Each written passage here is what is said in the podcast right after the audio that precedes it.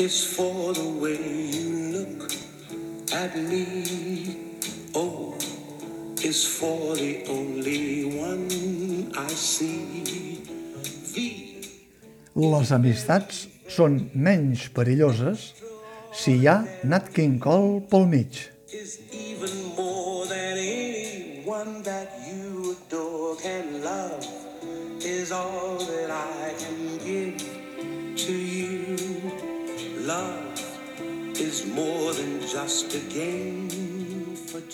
Aquí no volen sofars ni cairats de punta, com va passar fa 30 anys, al desembre del 1993, amb la versió de Les amistats perilloses, que va dirigir la malaguanyada Pilar Miró al Teatre Condal del Paral·lel, amb una polèmica entre ella, com a directora, i l'actor Juanjo Puigcorbé, que interpretava el paper de Balmont, amb un repartiment que tenia, entre altres, les actrius Mercè San Pietro i Marta Calbó.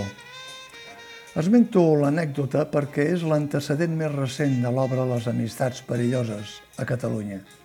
Després, també fa 30 anys, va venir el quartet de Heiner Müller, versió reduïda de Les amistats perilloses, amb l'admirable interpretació d'Anna Lizaran i Lluís Omar, El lliure de Gràcia. Una versió que el 2011 va recuperar la sala Atrium amb Marta Domingo i Raimon Molins. Com acostuma a passar, aquella versió íntegra de Pilar Miró al Teatre Condal s'ha mitificat sense tenir en compte que va ser una posada en escena accidentada i no pas perquè el sofà només volés en una primera funció per raons de seguretat de les primeres files del teatre, sinó perquè les diferències dins l'equip artístic es van mantenir durant tota la temporada, reflectida sobretot el dia de l'estrena, quan la directora Pilar Miró va sortir a saludar i va haver de viure públicament que l'actor Juanco Puigcorbé fes un mutis en desacord i gens dissimulat fora del grup. Però noi, quins temps aquells!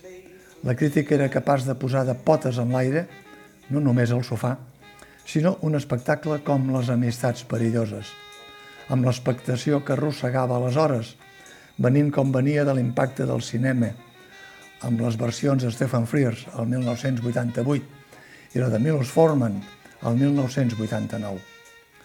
Avui, que la crítica s'ha convertit en una mena de safreig de rentadors públics, es garrifa veure com es malgasta el sabó, tot i el car que és.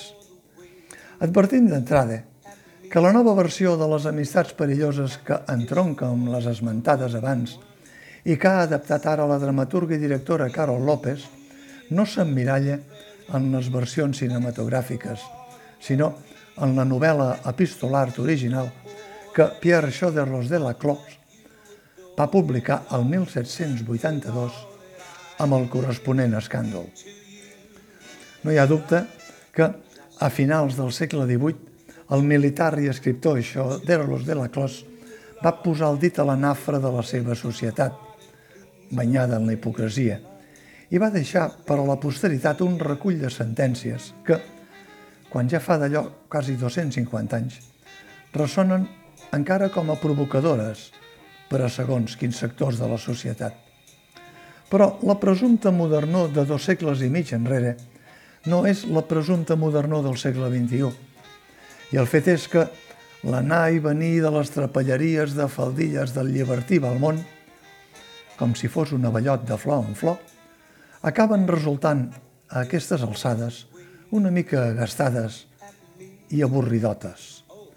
Crec que la directora Carol López ha estat conscient d'aquest perill fora d'època i per això ha optat per una versió amb algunes llicències de contingut i també estètiques, que respongués a les exigències de l'espectacle a l'engròs i condicionada per la immensitat d'una sala gran com la de Montjuïc, ha fet ús de la gran maquinària, escenografia elegant de José Novoa, sense prescindir de la pàtina del clàssic, però amb un brillant vestuari ple de picades d'ullet contemporani, disseny de Nídia Tosal, amb mostres descarades de motlles de mirinyac per fora o amb models de gala amb què s'ha vestit la protagonista, la marquesa de Merteuil, i també el protagonista, el llibertí Balmont. A la directora Carol López li van molt bé les sales petites i la proximitat dels espectadors. Si amb menys pompositat aquesta versió de les amistats perilloses hagués optat, per exemple, per la pista central, amb grades a quatre bandes, probablement els espectadors s'emportarien més tancats en un puny cadascun dels personatges que configuren la trama i que es presenten davant d'un enorme títol de neó, únic referent cinematogràfic, potser, com si d'un passi de models o d'una catifa vermella, com la compla de paparazzis qualsevol festival de cinema internacional es tractés. Un cop presentat tothom, llàstima que no hi hagi aplaudiments en off que impulsin a afegir-s'hi els de l'auditori, comença la història que l'adaptació de Carol López ha sintetitzat i netejat al màxim, una hora i tres quarts per a més de 400 pàgines de novel·la. Tan al màxim que pràcticament només hi ha temps perquè es muntin les peces bàsiques del trencaclosques, del joc de seducció, de seductor i de seduïdes amb el final de seductor seduït, com un caçador caçat, que caracteritza la maquiavèlica trama de Xoderlos de la Clos, o, més ben dit, la maquiavèlica trama que Xoderlos de la Clos atribueix a la marquesa de Mertel.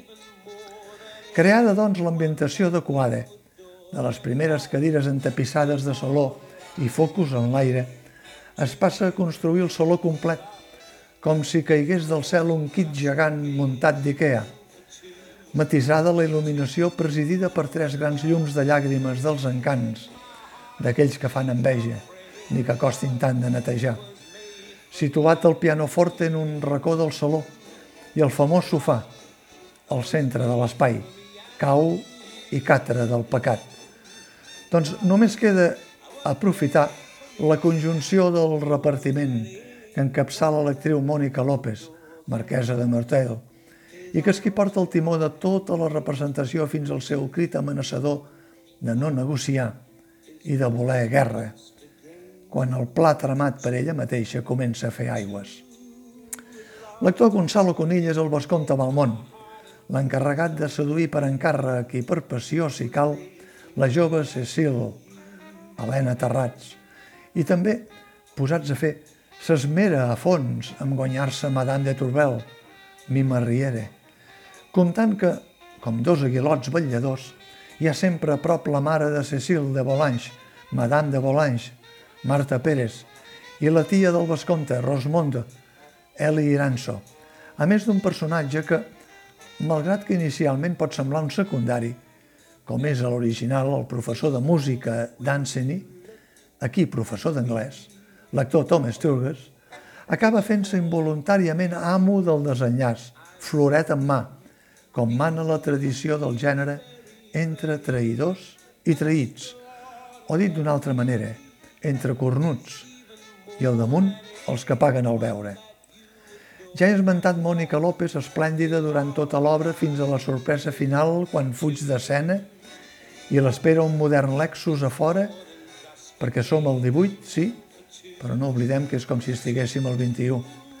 També té un joc especial l'actriu Helena Terrats, Cecil, entre la desesperació de la descoberta de l'enamorament pel professor d'Anseny i la temptació de Balmont, i que fuig de tancar-se en un convent, platea enllà, fent així un lleig al mateix Oderlos de la Clos, i igualment la caiguda rendir de braços del seductor que fa Mima Riera, Madame de Torbel, o encara les entrades de la mare de Cecil que protagonitza Marta Pérez, Madame de Volange. Un dia llunyà, ella també, fruita assaborida pel vescomte Balmont. Balmont, el seductor, sí, insaciable, però tot un personatge com aquest que té com a missió la seducció de les dames que la trama li posa al seu voltant, hauria de seduir també l'auditori. No es pot seduir com Déu mana a l'escenari si abans no s'ha seduït l'auditori. I l'actor Gonzalo Conill, Balmont, sedueix en la ficció al marge de l'auditori. En canvi, la direcció ha marcat molt subtilment la possessió que fa de Cecil i de Torbel, simplement amb el gest pausat de descordar-los les cotilles, trau a trau, cordill a cordill, i també ha simbolitzat, sense fer escarafalls, l'estocada simbòlica que el jove professor Banyut li propina al final. On hi ha passió amorosa, no hi caben ni la sang ni el fetge. Hi ha un moment escènicament sublim que protagonitzen la jove Cecília i el professor d'Anseny, Helena Terrats i Tom Estergues, amb ambientació de somni romàntic i boles de lluentons de pista de ball. Ell, el pianoforte i ella, acompanyant amb la veu. Tast de musical fugaç amb Love, de Nat King Cole. L'auditori es reviscola i ho agraeix i aplaudeix amb ganes, com si encara en volgués més. Però com que tan sols el pot petit hi ha la bona confitura, el moment sublim no es repetirà. La directora Carol López ha optat una vegada més, com fa sovint en obres d'autoria pròpia, per barrejar el català i l'espanyol en boca dels dos principals personatges, la marquesa de Martel i el vescomte Balmont. Una opció que és tan respectable com criticable. Tothom pot fer el que vulgui, per descomptat, i encara més quan es tracta de la creació artística sense posar-hi barreres. Però així com en una obra contemporània, aquesta opció lingüística es pot arribar a entendre per allò de la naturalitat dels intèrprets, del reflex de l'ambient del carrer, etc etc. En un text clàssic com el de les amistats perilloses, l'opció del bilingüisme adoptada aquí resulta forçada i corre el risc de caure com un gerro d'aigua freda. Quin és l'argument que ho justifiqui? Que els intèrprets se sentin més lliures d'expressió amb la seva llengua materna? Tant Mònica López com Gonzalo Conill són professionals, bons professionals, i saben molt bé quina és la seva feina.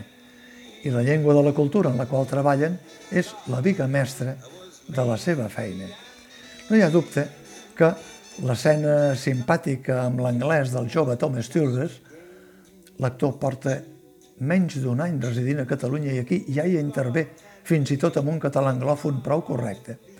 I encaixa a la perfecció, perquè en aquest cas fa precisament el paper de professor d'anglès. Però les converses en l'àmbit privat de Mertel i Balmont, en espanyol, sovint les més importants del discurs de l'obra, creen un desconcert que no té res de natural. Primer perquè Mònica López, a pesar que és d'origen canari, és una actriu formada des de jove en el teatre català i per això és coneguda com a actriu catalana. I perquè l'actor Gonzalo Conill, també habitual en el teatre català, no representa un personatge que sigui vingut de fora, a l'original, en els cercles de la societat francesa del 18. Les amistats perilloses de Mertel i Valmont és una producció pròpia i en casos sensibles com el de la llengua, el teatre lliure faria bé de saber què vol ser quan sigui gran. El carrer és el carrer, però el teatre és un altaveu i un model que ha d'anar més enllà del que passa al carrer. I si aquestes concessions estranyes i difícils d'explicar es fan en un teatre públic, que té drets i que també té deures, encara costa més. Aquí, com fa 30 anys, no han volat sofàs ni cairats de punta, però el dilema polèmic sobre la llengua està servit, ni que no hagi passat de moment d'algunes piulades a la xarxa i no s'hagi reflectit en cap mena de rebuig per part de l'auditori, perquè a la platea, ja se sap, hi anem per seure, mirar, escoltar, apagar el mòbil i, quan es fa el fos, el fos final, aplaudir educadament, que per això la companyia té el detall de sortir a saludar. I en aquest cas, la companyia de les amistats perilloses prou que s'ho mereix.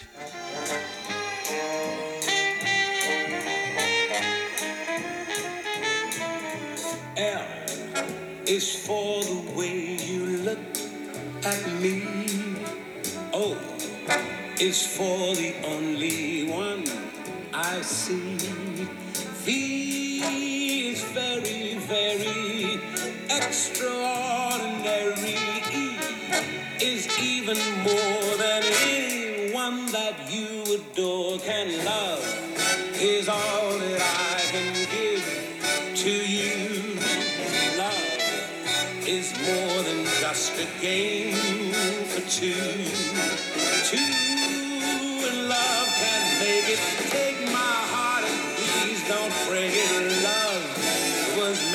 for me and you.